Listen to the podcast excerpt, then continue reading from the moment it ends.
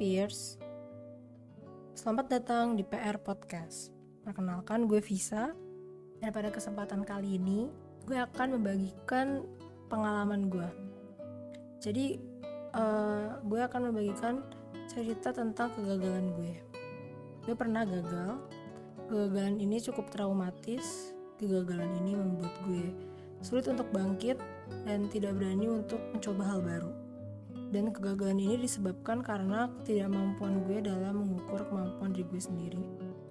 Lalu gue sempat bertanya-tanya, apa sih yang sebenarnya gue rasakan ini? Jadi waktu itu gue searching di internet tentang pengalaman yang dirasakan oleh orang-orang ketika gagal dan gue mendapatkan jawabannya bahwa gue uh, mengalami suatu fenomena yang dinamakan efek Dunning-Kruger. Intinya efek Dunning-Kruger ini menjelaskan bahwa rata-rata orang gagal atau dia terlalu menaruh ekspektasi yang tinggi terhadap diri dia padahal kemampuan dia nggak sebaik itu.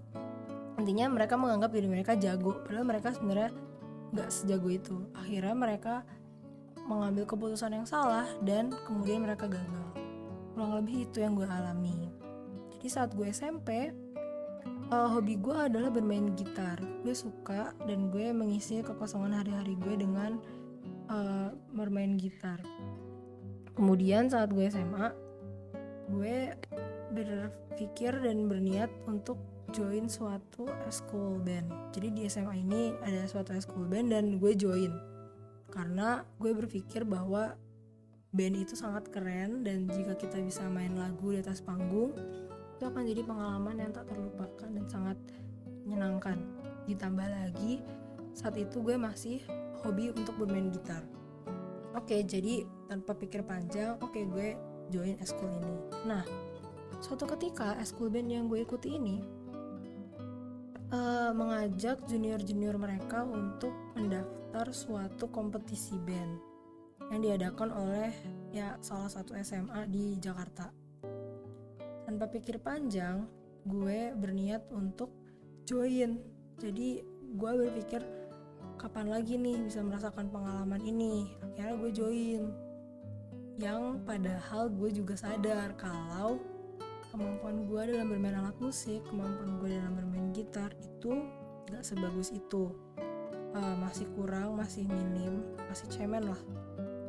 Tapi di saat itu gue berpikir bahwa dengan seiring berjalannya waktu, dengan gue latihan, lama-kelamaan gue akan bisa begitu. Sangat naif memang.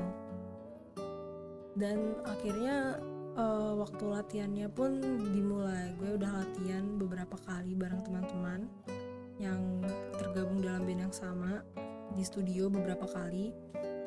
Dan gue juga latihan mandiri di rumah sepulang sekolah hampir setiap hari. Nah, ternyata uh, setelah gue latihan berkali-kali ini beberapa kali ini gue sadar bahwa hasil yang gue dapatkan itu tidak seperti atau tidak mendekati harapan gue. Intinya gue nggak jago-jago. Dan di titik ini gue berpikir sebenarnya apakah gue benar-benar bisa apa sih yang sebenarnya gue lakukan? Apakah gue hanya menyia-nyiakan waktu dan kesempatan begitu? Gue cukup demot.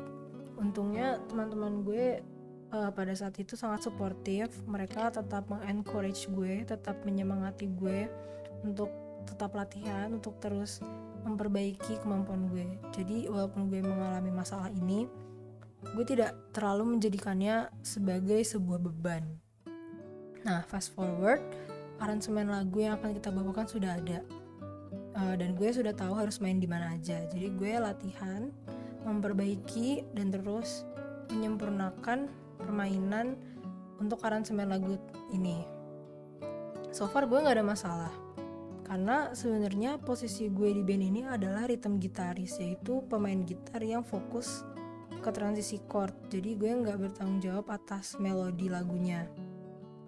Nah namun uh, ada bagian di mana gue harus mengisi, mengisi transisi antara dua lagu yang menjadi kayak intro lagu kedua Nah, di sini gue bermain tanpa diiringi oleh alat musik lain alias gue solo.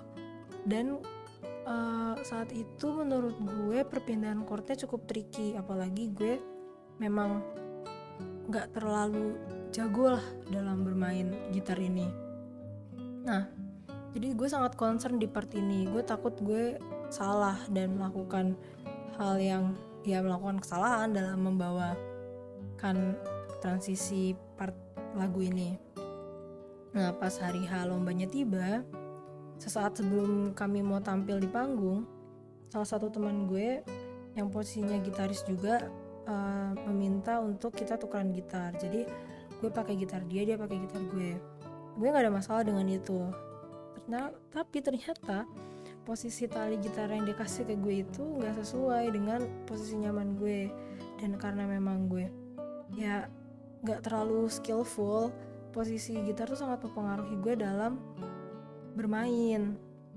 Dan saat itu kita udah mau tampil udah mau naik panggung jadi gue nggak ada waktu untuk memperbaiki posisi talinya ini. Jadi gue tampil dengan posisi tali yang gak nyaman. Kemudian transisi yang gue cemaskan ini akhirnya datang.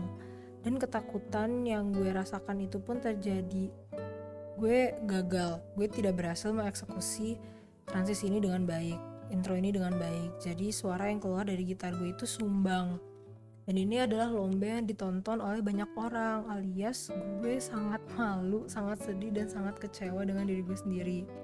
Dan gue juga sadar bahwa gue telah mengacaukan semuanya. Uh, band kami jelas tidak menang akibat kesalahan yang gue lakukan itu.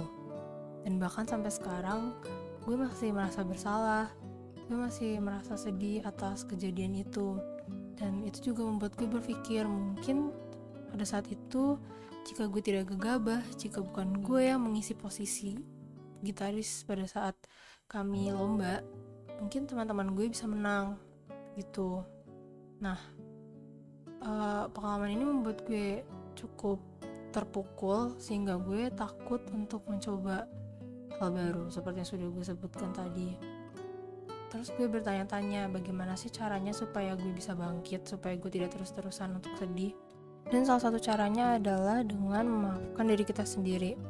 Kita harus sadar bahwa saat itu kita memang salah dan tapi kita juga tetap harus berusaha dan bertekad untuk memperbaiki diri kita sendiri, untuk terus belajar, untuk terus mencoba.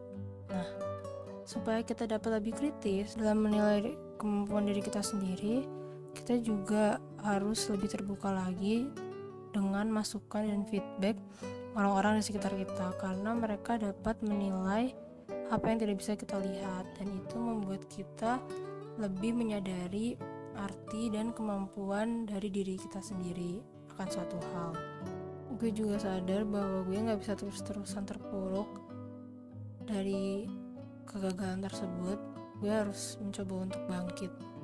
Dan itulah yang pada akhirnya menghantarkan gue untuk bergabung dengan proyek podcast PR ini karena podcast adalah hal yang sangat baru tidak pernah gue coba sebelumnya dan teman gue beberapa teman gue mengajak gue untuk gabung di proyek ini gue menjadikan hal tersebut sebagai kesempatan untuk kembali belajar untuk kembali mencoba hal baru dan menjadikan hobi yang sedang gue tekuni sekarang ini menjadi lebih bermanfaat. Jadi beberapa bulan yang lalu, gue memiliki hobi baru yaitu digital drawing.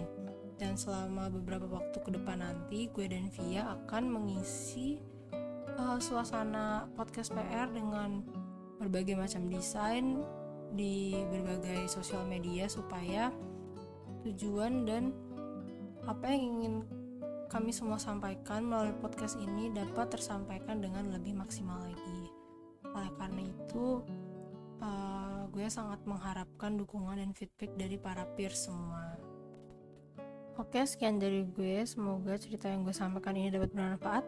Dan jika para peer semua pernah mengalami kejadian yang sama atau pernah merasakan uh, kegagalan yang sama, semoga apa yang gue sampaikan ini dapat memberikan insight baru untuk para peer semuanya.